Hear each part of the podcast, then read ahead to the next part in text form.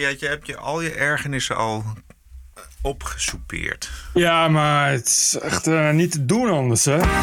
This is the TPO podcast. Donald Trump legt evacuatie Kabul uit. Vietnam looks like a masterclass in strategy compared to Joe Biden's catastrophe. Fusieproject GroenLinks en Partij van de Arbeid zo goed als mislukt. En de Taliban is het nieuwe boegbeeld van de wookbeweging. Of course, it is gonna be uh, an inclusive system. Oh man. Ik zou deze gewoon zo laten. Aflevering 279. Ranting and Reason. Bert Bresson, Roderick Phalo. This is the award-winning TPO podcast. De Taliban, inclusieve beweging, Ja, is toch wel ja. een nieuw, nieuw hoogtepunt van woke-denken, Ja, geloof precies. ik. En dit is dus een, een Taliban-leider die dat zelf zegt. Ja, die Taliban, het- maar dat waren eh, in, in eh, 2001, zeg maar. Zo, eh, of wanneer ging Amerika erheen? 2002, maar Nee, eh, in die tijd... 2001. Ja, in die tijd ook al. Daar had je, die ene had, eh, had een ooglapje en die andere had één been. En dat was de woordvoering van de Taliban. Eh, en die waren ook continu eh, grappen en grollen aan het, eh, aan het doen met de journalisten. Oh ja.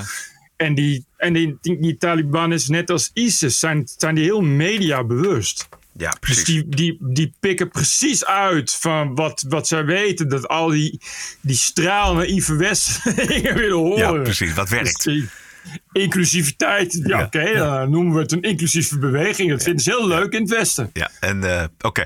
Uitgebreid zometeen. Maar eerst eventjes de dag van morgen. Vanavond is het eh, maandagavond 23 augustus. Morgen dinsdag wordt er weer gepraat over een nieuw kabinet. De samenwerking tussen de Partij Oh. van de Arbeid en GroenLinks verandert voor VVD en CDA helemaal niks. Next, helemaal niks. Hemmenex.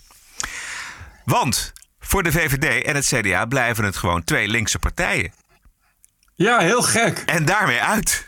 Maar nu gaan ze wel als één partij. Wat, wat gaan ze doen? Als één partij de onderhandelingen. Nee, nee, ja, ja, ik weet het niet. Dat, de- Hoe- zaterdag het. komen de Partij van de Arbeid leden bijeen. En dan gaan ze praten over een fusie.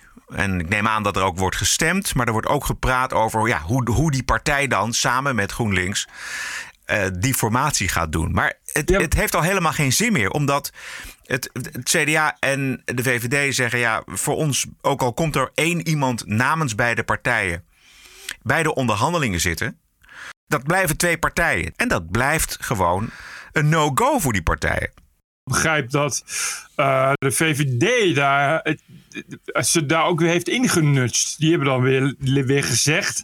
Wat je, weet je wat je moet doen? Je moet van twee partijen moet je tijdelijk één partij maken. Oh ja? Heeft zien dat het ja, Ja? En, en dat volgens mij wel. En, dan, en nu, dus kwamen ze nu met, oh dat gaan we doen. En dan zegt nu de VVD, nee, sorry, vinden we toch niks. Dus het is, ja, maar, die- is dat. Die VVD heeft, heeft gewoon die, die hele PvdA en GroenLinks gewoon helemaal kapot getrold nu.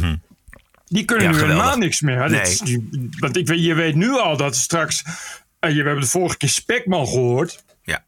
De vorige uitzending. Is die nog bestuurder? Nee, toch? Hè? Of wel? Nee, maar prominent. Maar, goed, het is wel, wel eh, volgens mij iemand eh, deelt die wat er gewoon leeft in, bij, bij de CDA-leden. Ja. Bij de PvdA-leden, die hebben dus straks dan een congres.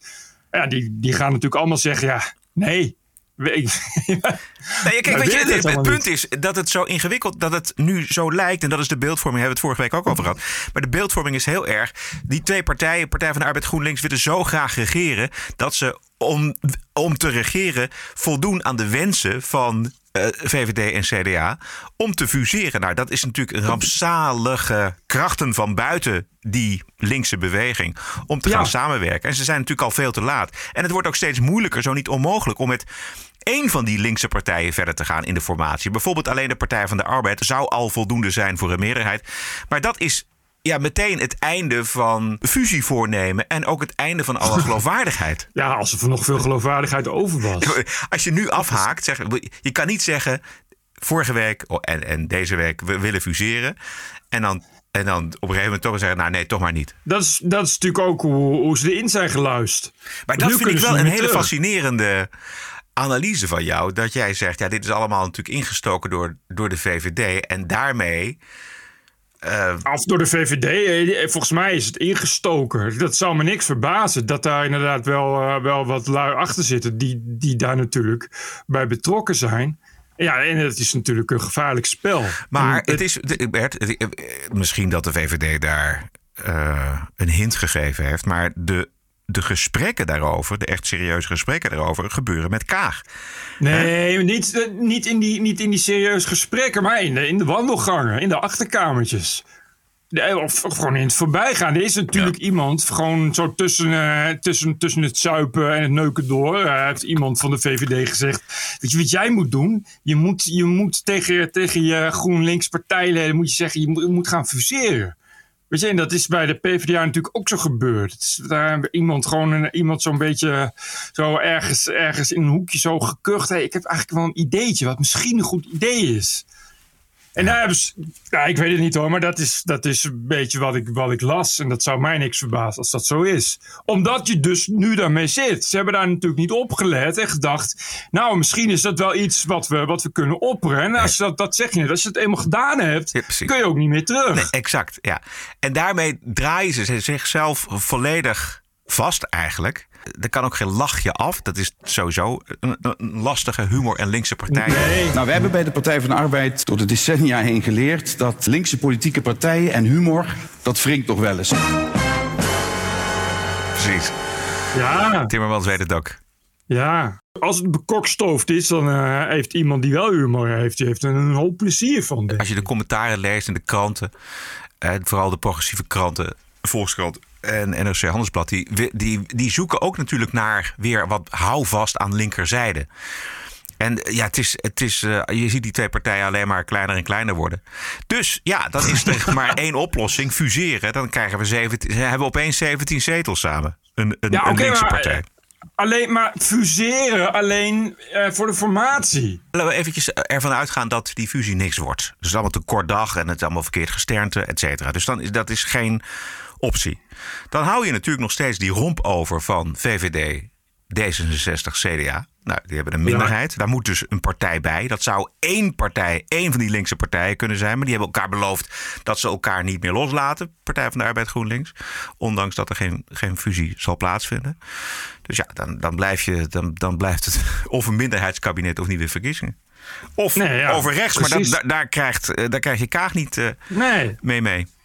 Eh, ja, nee het, is, ik, het begint een beetje allemaal als, eh, als, eh, als verloren. Ja. Kun je het beschouwen langzaamaan. De vraag is eigenlijk wanneer de informateur Mariette Hamer haar opdracht weer teruggeeft aan de Kamer. Hoe lang mag je eigenlijk demissionair re- regeren? Ja, dat zit volgens Hoe mij zit geen, dat? limiet aan vast.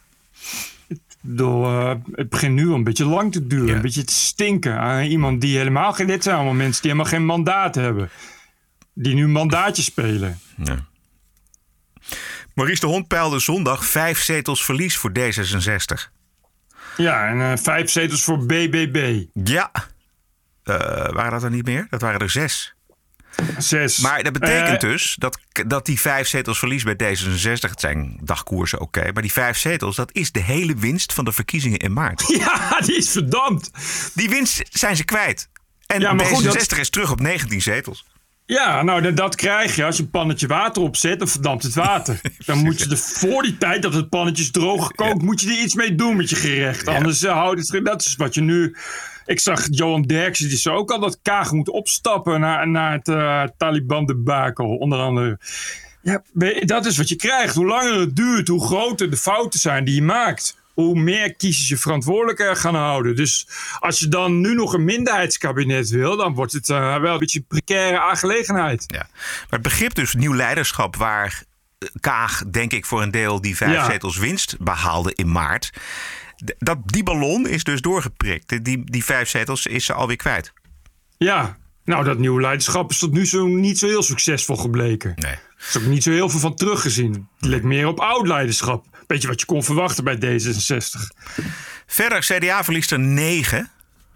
Ja. Die gaan mogelijk allemaal naar omzicht. Ja, precies. Dat wordt trouwens interessant. Die, de, de, de, de rentree van omzicht. Ja, oh, maar... In september, ja. Ja, wat een goede reden is om geen nieuwe verkiezingen te willen voor Rutte. Nee, en CDA zeker. En het CDA. Dus die gaan alles, alles op alles aan doen. Ja. Om, eh, om, eh, om wat nog, nog liever dus een, een precair, een breekbaar minderheidskabinet met D66. En dan eh, waarschijnlijk dan toch nog alsnog ChristenUnie en dat soort dingen. Je kent het wel. Dan, dan nieuwe verkiezingen. Als nu, dat zag je aan, aan, Maurice Hond. Ik zit Partij voor de Dieren zeven zetels BBB zes zetels. Ja. Wie zijn al die mensen die op de VVD stemmen? Ik wil dan eindelijk eens een keer gewoon dat die mensen met naam en adres op tv worden uitgezonden. Ja, maar ja, weet je, Gewoon Bert, een er hele is, er is geen alternatief. lang. Dit zijn, dit zijn de VVD-stemmers. Ja. En ik vind dat alle VVD-leden, in elk geval op zijn minst de leden, zoveel zijn dat er niet, geloof ik, die moeten gewoon allemaal persoonlijk op de koffie bij de, die mensen die gepakt zijn door de Belastingdienst toeslagenfraude. Ah, ja. Alle persoonlijk Nou, misschien kun je dat dan samen regelen met eh, Sander Schimmelpenning. Want die heeft ook een Ja. broertje dood aan de, aan de VVD. Dus als jullie, als jullie dat Ik nou het. samen gaan regelen, dan eh, komt dat helemaal goed. Ik las het. Ik, eh, toch, ik, ik, ben, ik ben het niet echt eens met Sander Schimmelpenning. Maar- Ik vind wel dat het een, geinige columnist is. Nee, weet je, punt Taxi, is... taxibedrijf van Haga. Ik moest lachen. Ja. Maar weet je, ik weet nog precies waar ik afhaakte. Want ik, ik ben dan wel benieuwd, maar ik haak dan af op het moment dat ik lees...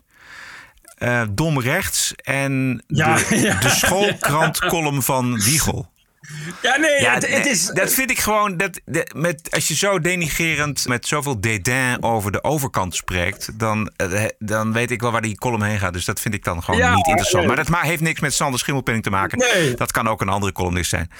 Ik hou wel van die stijl. Dit is toch een niet. koor, het is toch een beetje koorballenstijl. Ja, ik vind het wel, een helemaal niet van. Lekker over, lekker over de top arrogant. maar Schimmelpenning is de, is de belichaming van het koor ook echt. Kijk mij gaaf zijn. Ja, en En, links. de, en, de, En deugen. Nou ja, links, omdat het uitkomt. Weet je, ja, natuurlijk ben ik links. Want ja, ik ben een cosmopoliet, anders kan ik niet handel drijven. Deur.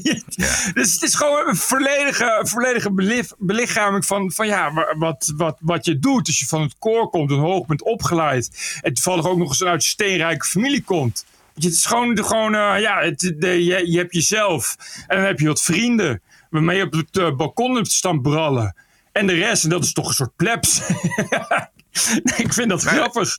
Jij vindt het grappig. Jij, wil, Ik jij, vind jij het had- gra- ik vind- jij was nee, vroeger ook maar- lid van het koor, eh, Bert. Nee, absoluut niet. Ik, ik, nee, helemaal niet. Nee, maar ik, ik, ik vind wel die humor, die vond ik altijd wel geinig. Ja, ik, ik, vond, ik had ook wel vrienden die, die zo waren. Nee. Eh, en eh, bovendien, als die eh, een column schrijft, staan daar grappige dingen in. Wandelende motregenbui, bijvoorbeeld. Dat vind ik grappig gevonden. Dat je iemand een wandelende motregenbui noemt. Vind je het grappig? Ik vind het verdomde grappig. Sander Schimmelpenning, ik vind het grappig zo. Oké. Zullen we naar Afghanistan? Weet je wie niet... Ja. Oh nee. Nee, zeg maar. Wat, zeg maar. Weet je wie niet grappig is? De rest van de Volkskrant-columnisten. Nou, Ik bedoel, nee. ja.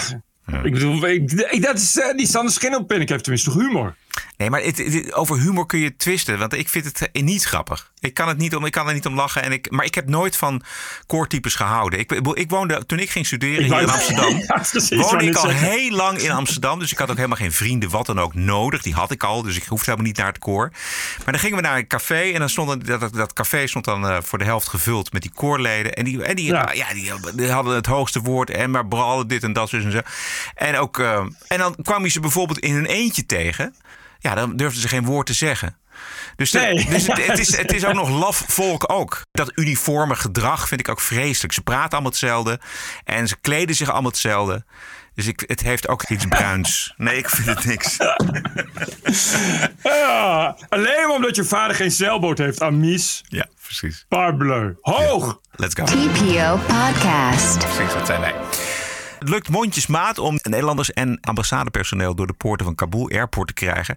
En hoe groot de hel daar is, is te horen in dit verslag van een Britse journalist voor Sky News in Kabul. It is utterly horrendous. The number of the soldiers I've spoken to, I mean, they're not in panic. That is completely the wrong description.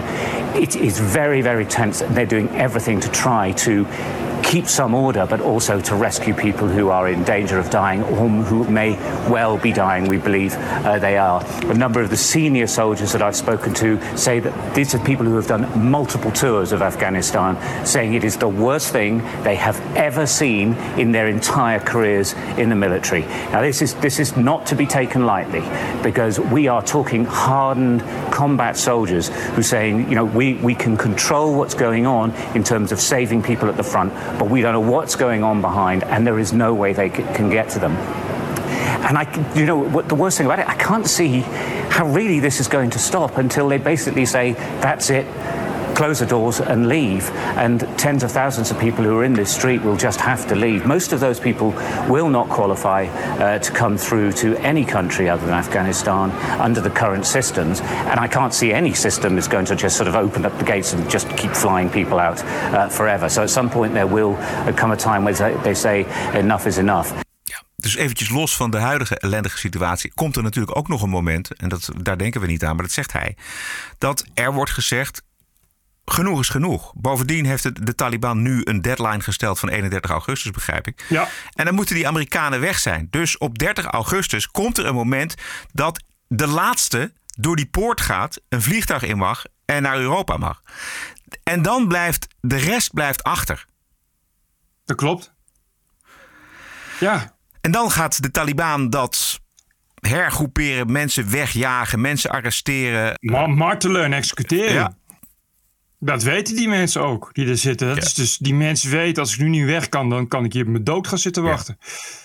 Gelukkig geldt het niet voor de plaatsvervangende ambassadeur in Kabul. Want die was al eh, weg voordat Ja. iedereen überhaupt door had dat er wat was gebeurd. Ja, dat, Ik vond, het, ik vond het heel Nederlands. Vond ik. Dat deed mij echt denken aan het Koningshuis ten tijde van de Ja. Tweede Wereldoorlog. Nee, dat, dat begrijp ik. Maar het was ook zo, begreep ik, dat zij eigenlijk door die Amerikaanse mi- eh, militairen gewoon werden gezegd: nu weg. Want dan is het te laat. En dat was midden in de nacht. Ze zijn gewoon van hun bed geleerd door die Amerikaanse mariniers. Het is nu wegwezen of blijven. En toen zijn ze vertrokken. En toen, de volgende ochtend, eh, toen eh, kwam dat personeel dus op die ambassade. En was die ambassade leeg. Ja, dan blijf je toch op je post. Eh. Word toch geen ambassadeur? Je, bent, er- dat- je weet toch dat, je, dat er daar nog, nog ik weet niet hoeveel, hoeveel honderd tot duizend mensen zitten die dan jouw hulp nodig Ja, hebben. maar dat vind ik toch een beetje makkelijk eh, geredeneerd. Ja, Want ja, maar dan moet je dus geen ambassadeur worden. Kan je, je kan je personeel dan toch bellen en, en, en zeggen: geef me nog een half uur, ik ga, ik ga nog wat in gang zetten. Ja, dat zou Ik, kunnen. ik, ik bedoel, ja, ik Maar weet het ook, niet. Ook, ook Kaag is niet op de hoogte gebracht, hè? De minister Nee. van Buitenlandse Zaken. Het zal, dus, eh, het zal dus zo zijn. Dat we een minister van Buitenlandse Zaken hebben die op de hoogte is. Ja, maar Daar is dan toch iets mis dan? Ja, nee. Wat, Ja. wat, moet je dan zeggen? Ja, oh. Ja, kan gebeuren. Dat, dat- die vrouw zit er kennelijk gewoon niet bovenop. Het is toch niet dat, het is toch niet dat de Amerikanen daar onverwachts weggingen, of wel? Nou, die plaatsvervangend ambassadeur die vond het dus blijkbaar ook niet nodig om Kaag Nee. te bellen. Nee, ja. Hallo, Sigrid, we gaan. Ja, je hebt, maar je hebt dan toch wel een lijntje met de minister. En anders dan, eh, eh, anders dan eh, bellen de Amerikanen de minister. Dat is toch raar dat je daar buiten die communicatie valt. Er schort toch het een en ander aan dan. Maar goed, dat was sowieso duidelijk. Want het is tot nu toe nog steeds niet best, begrijp ik. Nee, Met de Nederlanders die weg willen. nee, precies. Eh, er zitten, even kijken, ja, er zijn nog best wel veel Afghaanse Nederlanders vast. Het zijn mensen met een Nederlands paspoort of verblijfsvergunning die bijvoorbeeld op familiebezoek waren. Moet je voorstellen. Nederland eh, geeft hen Ja. geen prioriteit, zegt Peter Reesink. Hij is hoofdoperaties van Defensie. In elk geval zijn al hun pogingen om het vliegveld te bereiken tot nu toe vastgelopen in de hectische zone rond de, de luchthaven. Ze, sluiten, ze stuiten op gevaarlijke mensenmenigte en blokkades door Taliban en Amerikaanse Ja. militairen. Ehm Oud-president Donald Trump die was in Alabama. En het ging onder meer over Afghanistan en de haast van Biden om te vertrekken. Vietnam looks like a masterclass in strategy compared to Joe Biden's catastrophe. And it didn't have to happen. All he had to do is leave the soldiers there until everything's out our citizens, our weapons. Then you bomb the hell out of the bases. We have five bases. And you say bye bye. The equipment that they've got is the most sophisticated military equipment in the world. He surrendered our air base, he surrendered our weapons, he surrendered our embassy. They spent a billion dollars building this ridiculous embassy. And he abandoned our great American citizens. They're over right now. They have no idea. Ja, geen idee. Het geluid was een beetje Een slecht. miljard voor Ja. een ambassade. Ja, ja, wat dacht je? Beveiliging. Ja, dat, dat ding is een bunker. En het is, die, die dingen, dat is gebouwd op, op, op, op een siege. Daar moet je weken kunnen blijven stand houden. Ja. Moet je dat wel doen. Ja, precies, ja. Als je, als je wegloopt en, de, en, de, en, eh, en met een bordje de buitensleutel ligt onder de mat... kun je net zo goed een ambassade van een ton bouwen in plaats van een miljard. ja. En wat dacht je van al, de, al die apparatuur, al die Ja, militaire voertuigen, al die helikopters, Helikopters. alles. Oh man. Was al duidelijk, maar die Biden die heeft werkelijk geen idee waar, waar die aan begonnen is. En je, Nee, kunt, dus- het, en je kunt zeggen, als je, als je dus Trump hoort, kun je zeggen, ja, dat is lekker schieten voor Trump. Maar die regering Biden heeft bijvoorbeeld geen idee hoeveel Amerikanen er nog in Afghanistan zitten. Geen idee. Die, die, die mensen die proberen uiteraard door de chaos een vliegtuig te bereiken. Eh, Dit was Bidens veiligheidsadviseur Jake Sullivan zaterdag op CNN. Do you know how many Americans and legal permanent residents are currently in Afghanistan awaiting evacuation? Thanks for having me, Brianna.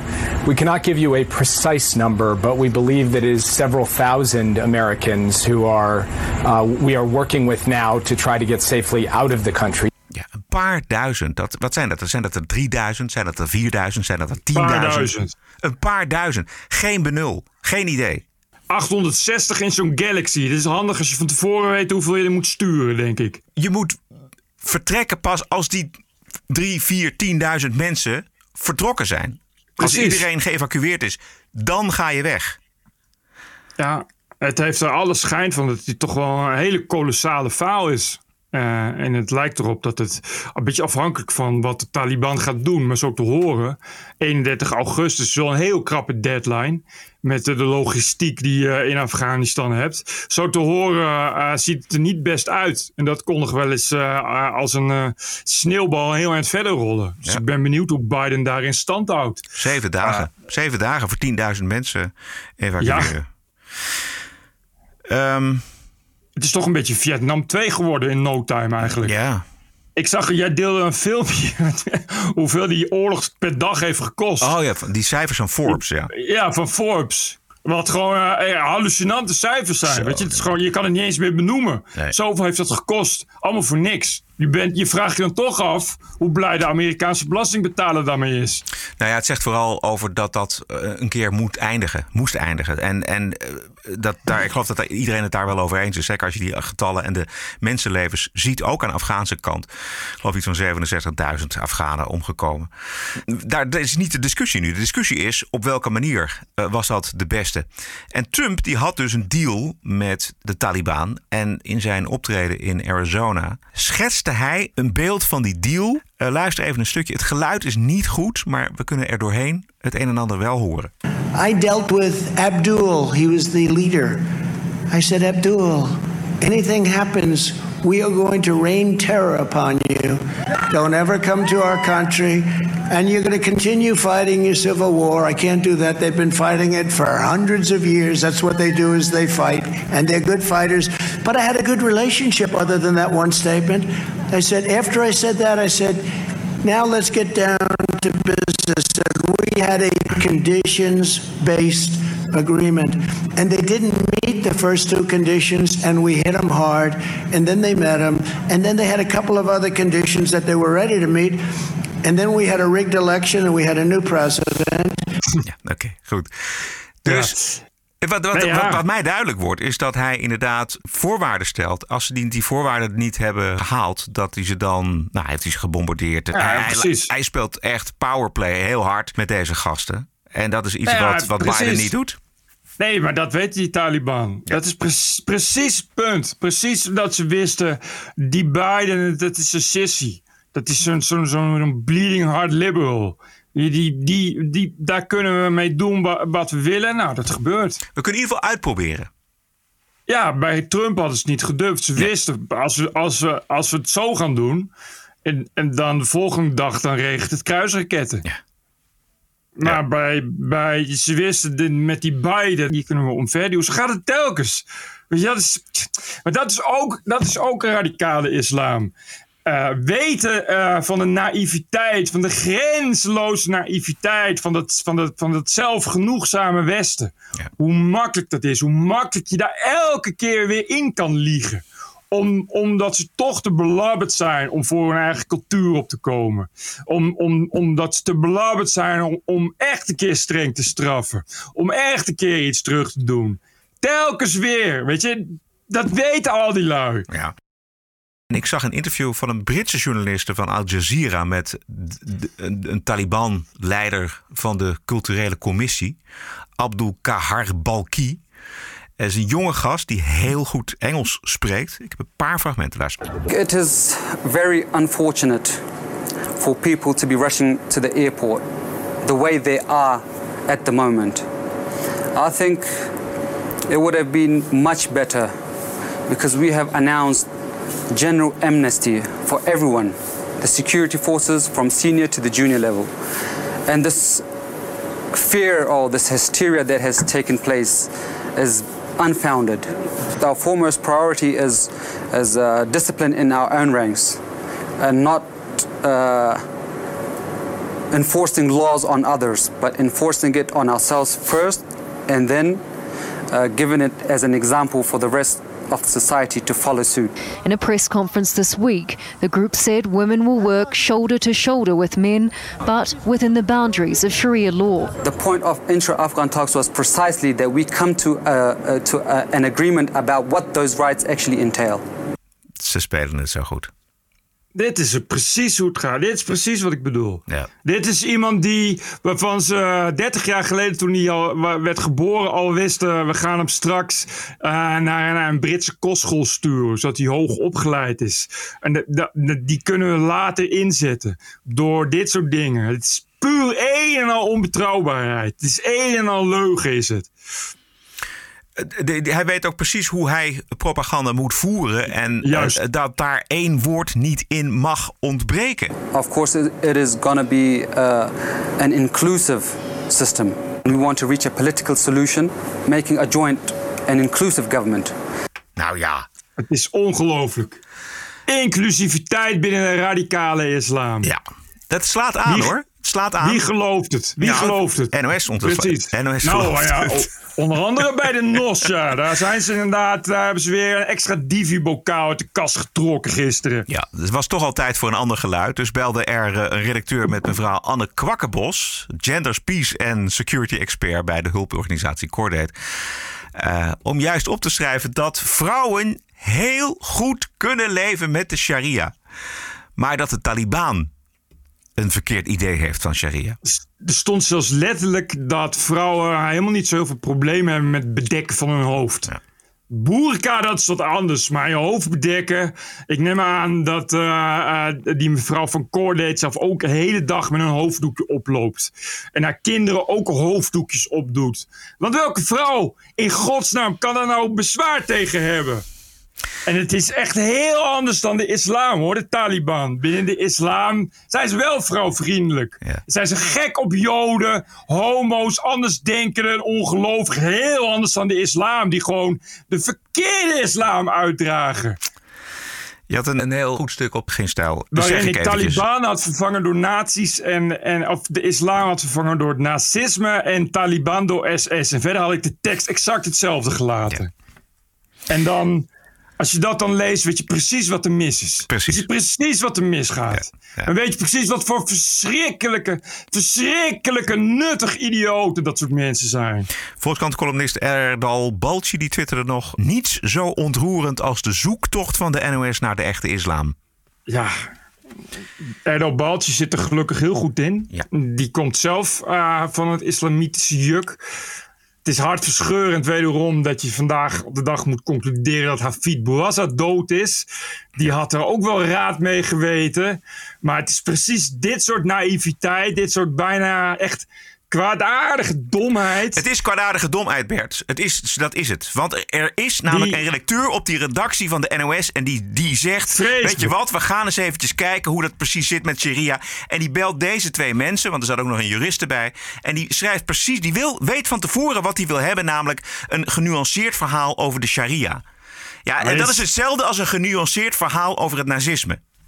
Ja, maar het is gewoon misdadig om dat bij de NOS te doen.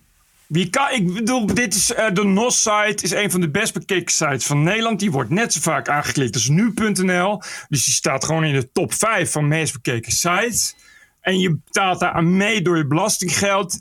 En er staat geen naam onder, niks. En je kan er helemaal niks tegen doen. Het is gewoon misdadig. En als je dat dan wil, dan moet je eh, eh, ook even iemand bellen die iets anders zegt. Ja. Maar eh, een, een Arabist en jurist met een Arabische achternaam bellen. Daar hoef je net zo goed niet te bellen, want dan weet je wel wat hij gaat zeggen. En iemand van Court Aid, dat is een hulporganisatie. dus reken maar dat hij, dat hij niet heel kritisch gaat zijn op, op, op de islam. Nee. Dus ik, het is gewoon, en dat is gewoon kwaadaardig. Ik vind het echt misdadig dat dat zomaar kan. Dat daar geen regels voor zijn. Dat je zomaar de- zoiets online kan knallen bij, bij een organisatie als de NOS. Die gewoon door iedereen betaald wordt. Dat kan gewoon niet. Ik vind het prima dat je eh, dat eh, bij RTL doet of, of Telegraaf, weet ik veel wat. Het zijn allemaal, allemaal particuliere bedrijven. Maar dat moet je als NOS. Ja, daar is toch, moet dan toch iemand zijn die zegt van sorry, maar dit is geen nuance. Het gaat als volgt. We zien de islam weer in een verkeerd daglicht staan. En dan komt er natuurlijk op een gegeven moment iemand in de redactie die zegt: Weet je wat, laten we eens eventjes kijken hoe het werkelijk zit met de sharia. En dan komt er dus een genuanceerd verhaal over de sharia en over de radicale islam. En dat vinden ze fijn. Dat is goed en dat is precies de bedoeling. Nee, maar dat. Weet je, maar ik, en dan nog, ik weet je, schrijf een column of zo. Of, of, of eh, giet het in een andere vorm, maar niet zo. Niet, niet een soort, soort keurig verdekt onder een soort keurig journalistiek. Want ik, ik, heb twee, ik heb twee mensen gesproken. Ja, Amahula, je hebt twee trekpoppen uit je reet getrokken. En je hebt gezegd dat het andere mensen zijn. Je hand zit er goddomme tot aan je elleboog nog in, man. Je weet toch wel, ja, iedereen kan toch begrijpen dat dat niet hetzelfde is als, als even eh, eh, objectief experts raadplegen. Neem een land als Iran. Is nou niet dat daar vrouwen staan te trappelen om een hoofddoekje te dragen, is het wel. Maar het is weer Dus het cultuurrelativisme, Bert. Het is daar, dat, dat, dat, daar leven we al jaren in. En dat zijpelt door in de journalistiek. En dat komt Ja, tot uiting op de websites op deze manier. Nee, maar dat is toch prima, maar waarom moet dat bij de NOS? Dat is dus dat is het probleem. Natuurlijk is er cultuurrelativisme. Drie kwart van de UvA die staat morgen bij de koffieautomaat niet anders te Ja, maar die, zeggen dan. ja, maar die slaat dan de NOS nou- niet over. Nee, maar bij, je gaat dat toch niet als NOS doen? Dan heb je toch geen, geen, geen hersens die, die, die geloof, ethische besef van een wel heel kleine pinda inmiddels. Ja, daar, daar, daar doe je dan toch iets mee. En als er dan kritiek komt, dan is het huilen, huilen. Ik ga meteen stickers van mijn auto's afkrabben. Want anders doen de mensen zo gemeen tegen de NOS. En oei, oei, oei. Nou, we liggen altijd onder een vergrootglas. Terwijl bij de NOS zijn we juist heel eh, eh, ingetogen en doen we er alles aan om objectief te blijven. Behalve als het woord islam voorbij komt galopperen op een kristallen paard in regenboogkleuren. Dan is het ineens, oh halleluja, bukken en hosanna en kom maar binnen met je knecht. Maar eventjes, ik, ik begrijp jouw punt van de NOS. Maar eventjes, dit is een brede journalistieke discussie. Want dit gaat over de Ja, beeldvorming. Dit gaat over de beeldvorming die journalisten zo ontzettend belangrijk vinden. En waar ze zich nog veel meer zorgen over maken dan over de feiten. Het moet gaan over de beeldvorming. En als de beeldvorming op televisie nu blijkt dat de sharia opeens alleen maar het, het, het slaan en neerschieten en mishandelen van vrouwen is. Dan moet daar per se. Ja, wat de feiten zijn. Iets anders, precies. Maar dan moet dus een ander beeld ook van de sharia. Dus dan krijg je dus Nee, dat inderdaad... moet helemaal niet. Nee, dat moet niet, maar die redacteur vond dat. De kop was niet voor niks dat de Taliban het, het niet goed begreep, de sharia. Ja, ik. Ja, ik, ik, ik eh, eh, weet je, kijk, dit soort dingen gebeuren bij RTL ook steeds meer. Ja. Maar dat is een commerciële zender.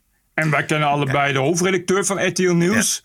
En we weten dat die, nou- dat is nou echt geen Marcel Geloof. dat is niet. iemand die, die heel veel van feiten houdt. En niet echt heel snel gaat huilen omdat, omdat hij gekwetst is door de beeldvorming. nee, absoluut niet. Maar die heeft een commerciële, commerciële, eh, commercieel eh, programma, RTL Nieuws. Dus moet die schipperen tussen, tussen wat mensen willen lezen. Want er moeten ook kijkcijfers komen. En, en, en, en op de website dus, ja, die is dan met handen en voeten gebonden. Dan heb je in Nederland één orgaan Maar dat niet hoeft, omdat je niet voor de, voor de klikcijfers hoeft te doen, voor de kijkcijfers. En dat is de NOS. En uitgerekend bij de NOS ga je met de beeldvorming bezighouden. Ga dan bij RTL Nieuws werken. Ja, maar de beeldvorming heeft iets, is iets anders dan een klikmotief. De beeldvorming is, is, dat zijn alle journalisten in Nederland die het belangrijk vinden om niet eh, daders te noemen, omdat je anders mensen stigmatiseert. Dat is de beeldvorming, dat is de journalistiek in Nederland. Dat is wat Jan Blokker uh, zo mooi heeft geschreven. Nederlandse journalisten houden niet van journalistiek. Nee, maar ik, dan, dan ga dan niet de journalistiek als je er niet van houdt. Kap er dan ook eens mee. Ik vind dat daar een bredere, bredere uh, volksfront tegen moet komen. Een soort ja. mujahideen van, van, van strijders. Die, tegen de beeldvorming. Uh, tegen de, speaking of, dat is wel leuk om even te vertellen. Ik keek uh, onlangs nog eens keer naar de film Charlie Wilson's War.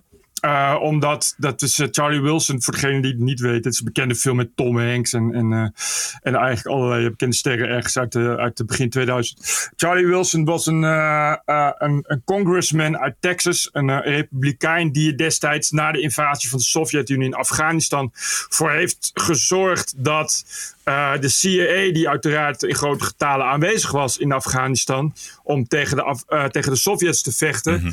Uh, uiteindelijk wel heel veel geld kreeg, zodat uh, die, die Mujahideen konden worden uitgerust met stingers en, en andere, uh, andere shit om, om, om terug te slaan tegen de Sovjets. uiteraard was het allemaal in het geheim. Het was zo dat in het begin de Amerikanen de, verder niemand zat te wachten om nog eens een keer geld uit te geven aan, aan, ja, aan mensen die in steentijd leven.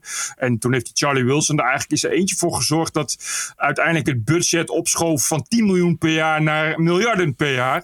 Waardoor, waardoor die Mujahideen, uh, nou dat zijn dus nu de Taliban. Ja. Daarom hebben ze zo goed leren vechten, mede dankzij Charlie Wilson. Maar goed, hij is dan als held geëerd en zo. In die film uh, gaan ze op een gegeven moment naar een vluchtelingenkamp. En in, uh, in dat vluchtelingenkamp zijn allemaal kinderen met afgeslagen armpjes en beentjes. En die vertellen dan allemaal dat ze uh, speelgoed hebben opgepakt dat ontplofte. Uh, en ik kan me goed ja. herinneren dat dat destijds ook heel erg leefde. Dat ik in een bushokje zat en een poster zag van een vluchtelingenorganisatie waarin ook, waarop de tekst stond. Ze gooien bommen en mijnen die op speelgoed lijken, zodat als we ze oppakken we voor het leven verminkt raken. Dus ja. ik kan me ook herinneren dat dat uh, ook leefde. Dat het iets was waar, waar, mensen ook van uitgingen. En wat blijkt nou? Dat er nooit sprake van is geweest. Van, nee? Dat, dat die Russen die gooiden destijds mijnen uit helikopters. En dat zijn hele kleine personeelsmijnen. Die zijn een paar centimeter lang.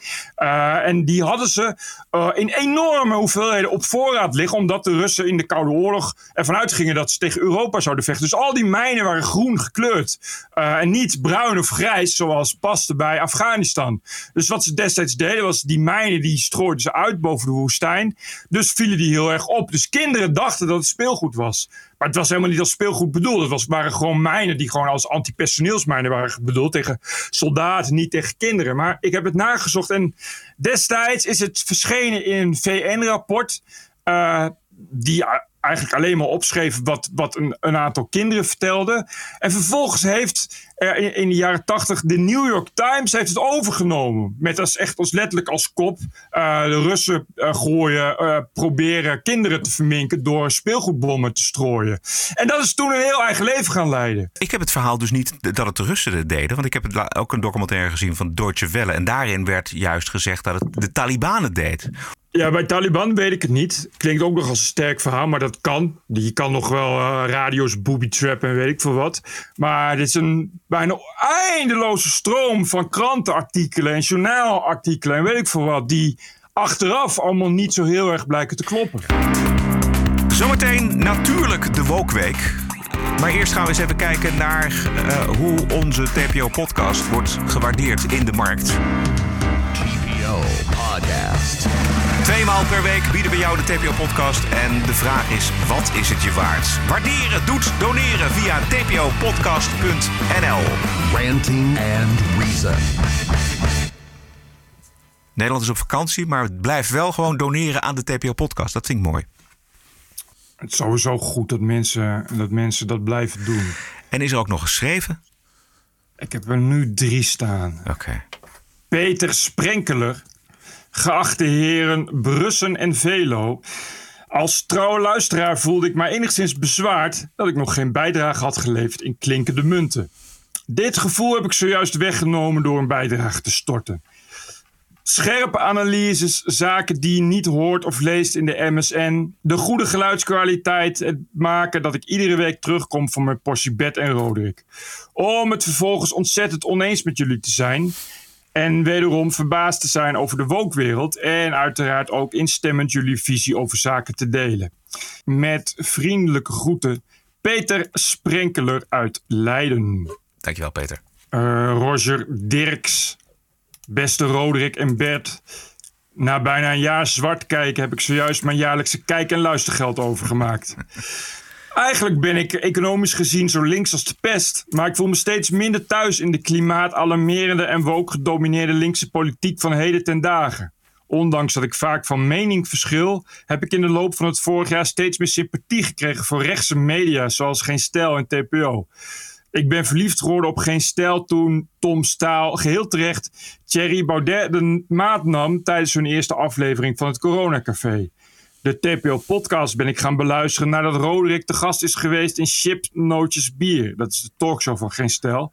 En sindsdien ben ik een trouwe luisteraar. Met hartelijke groet, Roger Dirks. Roger, of Roger, dankjewel. De laatste is van Erik Hendricks, dokter Erik Hendricks. Oh ja, een uh, vriend van de show en een uh, bekende uh, van zowel TPO als Geen Stijl en, en fan. hij had mokken besteld, maar die kwamen niet aan, dus ik heb hem nieuwe gestuurd. En hier bij deze zijn bedanksbrief. Uh, het is een 17e eeuwse bedankbrief. Want zo is Erik Hendricks Kim. Erik C. Hendricks. De C van Erik Hendricks weet nog steeds niet waar hij voor staat. Maar gok op Erik Groom 6 Hendricks of Erik Christus Hendricks. Ja. Dokter Erik Christus Hendricks. Kim uit Duitsland. Erik is wel slim. Die is gepromoveerd en heeft in Universiteit van Bonn, Universiteit van Peking, Universiteit van Mannheim en de Universiteit van Chicago gestudeerd. Ja. Mooi dat dat soort mensen ook fan zijn. Kimaas, dit was het. Dit, dit, was het. Dit was het, heel goed. Dit is de TPO-podcast. Een eigenzinnige kijk op het nieuws en de nieuwsmedia. Twee keer per week, elke dinsdag en elke vrijdag. 100% onafhankelijk, want zonder reclame en zonder een cent subsidie. The award-winning TPO podcast. Wat is het jou waard? Een euro per aflevering, 104 euro per jaar of kies zelf een bedrag. Waardeer en doneer op tpo.nl slash podcast. De TPO-podcast. Wat is het je waard? Ja, doen hoor. We gaan naar de lange tenen. I was offended and I have rights. TPO Podcast. You're an adult. Grow up. Deal with it. I don't care. I don't care. Oh, de deuren van de open inrichting staan open en wat hebben we weer een paar mooie voorbeelden. Ik wou even beginnen, Bert, met een interview met dichter Jean-Pierre Ravi in de Volkskrant, die de vloer aanveegt met alle gevoeligheden. Dat ging over eh, de ophef rond de vertaling van Amanda Gorman, waarbij Marieke Lucas Rijneveld zich terugtrok als vertaler. Dat uh, verhaal dat kennen we natuurlijk. Ja, en dan ja, zegt ja. hij: Oh, die rel over dat flutgedicht. Een goed argument waarom Marieke Lucas dat niet had moeten doen, was dat ze zelf heeft gezegd dat haar Engels slecht is. Maar dat, maar dat gedicht hoeft niet per se door een zwarte mevrouw vertaald te worden. Een Nederlandse zwarte vrouw heeft ook niet hetzelfde achtergrond en niet hetzelfde meegemaakt als mevrouw Gorman. Als dat het criterium wordt, is het einde zoek. Dan mag een mannelijke schrijver straks geen vrouwelijke hoofdpersonage meer hebben. Ik hoop dat het overwaait. Mijn theorie is dat de hoeveelheid gekte per generatie even groot is, maar dat het zich op een andere manier uit. In mijn tijd had je het afschuwelijke militante feminisme. De vraag is eigenlijk: gebruikt u hen of hun in uw boeken voor non-binaire personen? Daar moet je nou net aan Jean-Pierre Ravi vragen. Die zegt dan nee, flauwekul. Zo werkt de taal niet. Dat je opeens moet zeggen, vindt hen dat ook niet? Als er oorlog komt, is het allemaal voorbij. Oh ja, het moeten we even, over Michiel Beuten hebben. Ja, Michiel Beuten van het Christelijk Zorgvliet Gymnasium In Den Den Haag. Haag. Ja. Bekend van de, van de lange lijn van koningskinderen van Oranje die daar allemaal naar het gymnasium gaan. Ook de recente meisjes eh, van Oranje, de kroonprinsesjes. Ja, wat was er mee aan de hand met uh, Michiel Beuten en zijn christelijk gymnasium? Michiel Beuten is uh, deugafdelingsleider op het, uh, op het uh, Zorgvliet Gymnasium. En die mocht in de Volkskrant een opiniestuk schrijven... waarin hij mocht laten zien hoe enorm hij deugt. Dat is al terecht. Hij is natuurlijk leider van een deugafdeling. Maar Michiel, Michiel, Michiel Deut is uh, deugt echt heel erg, echt zo enorm dat je blij mag zijn dat hij dat in de Volkskrant mag zeggen. Ik zou dat als Volkskrant ook een podium aanbieden. Als iemand zo deugt. Michiel uh, liet weten dat uh, wat hem betreft ehm, mensen die PVV stemmen of FVD, dat die geen docent mogen worden.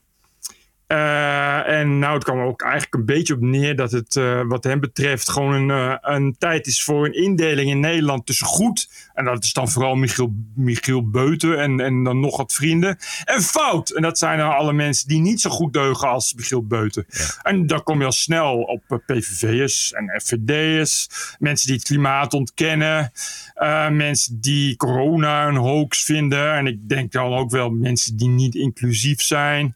Hij gaf ook gewoon nog een oud leerlingentrap na, die onlangs was afgestudeerd of, of een diploma-uitreiking. Want die had tijdens zijn diploma-uitreiking heel slim en heel terecht en heel realistisch als, als vertrekkende scholier gezegd: Nou, ik vond, vond het toch op deze school wel een beetje het idee heb ik gekregen dat inclusiviteit inmiddels belangrijker is dan schoolprestaties of andere dingen.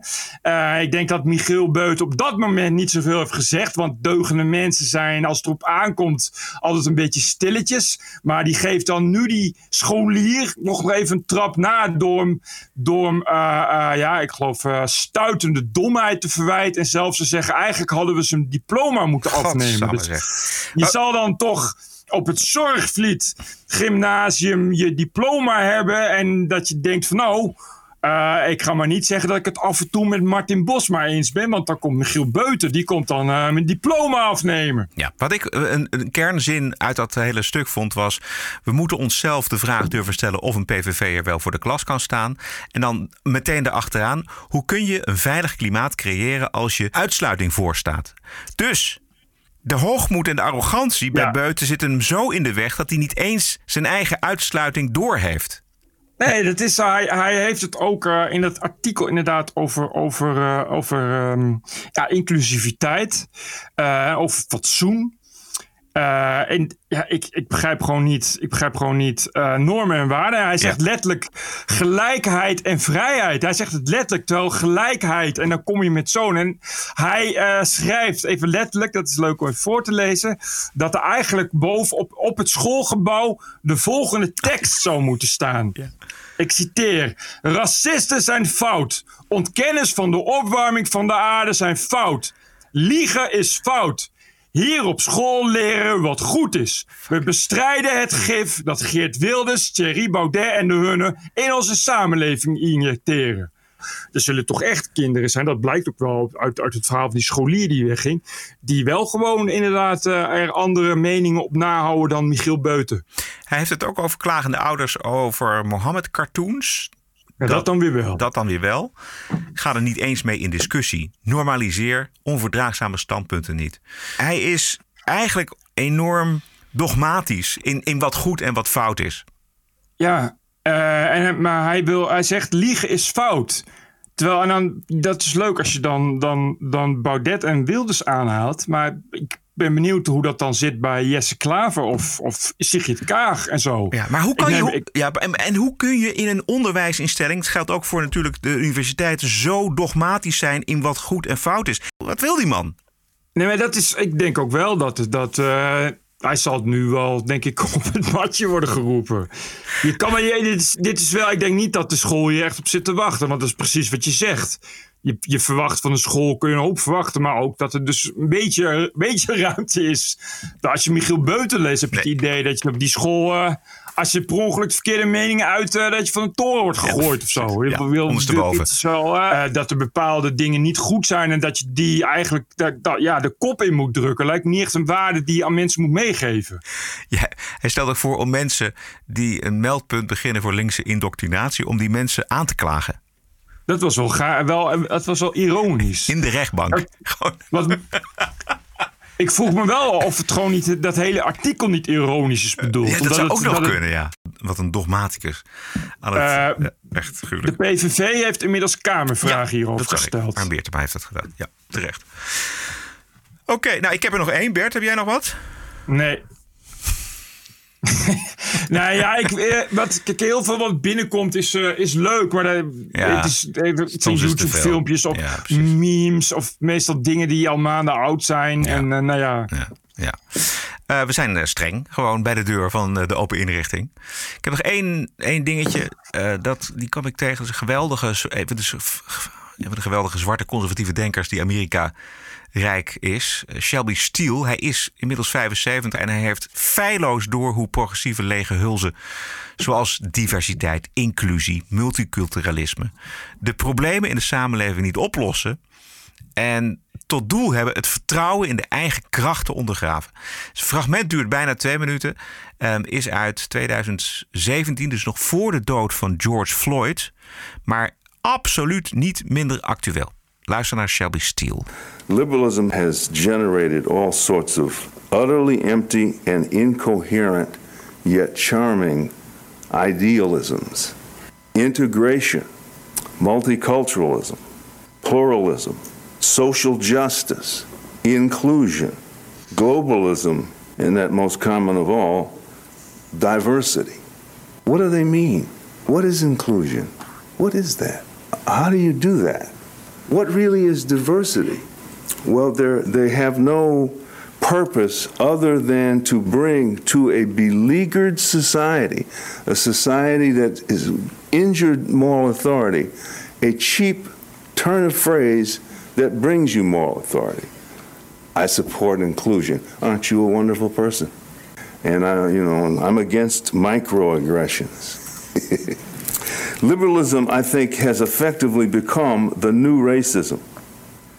It mimics segregation by seeing blacks as helpless inferiors.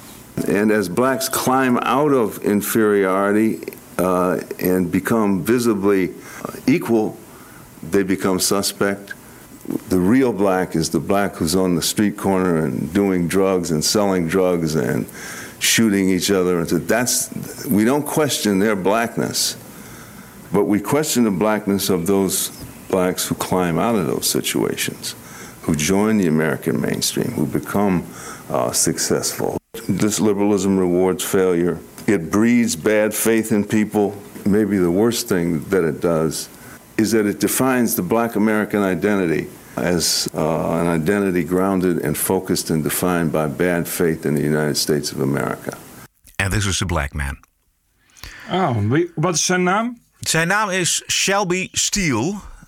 En voor wie hem helemaal wil horen, deze speech, en wil zien, zoek op Shelby Steele en America's Racial Divide. Dan kom je er vanzelf.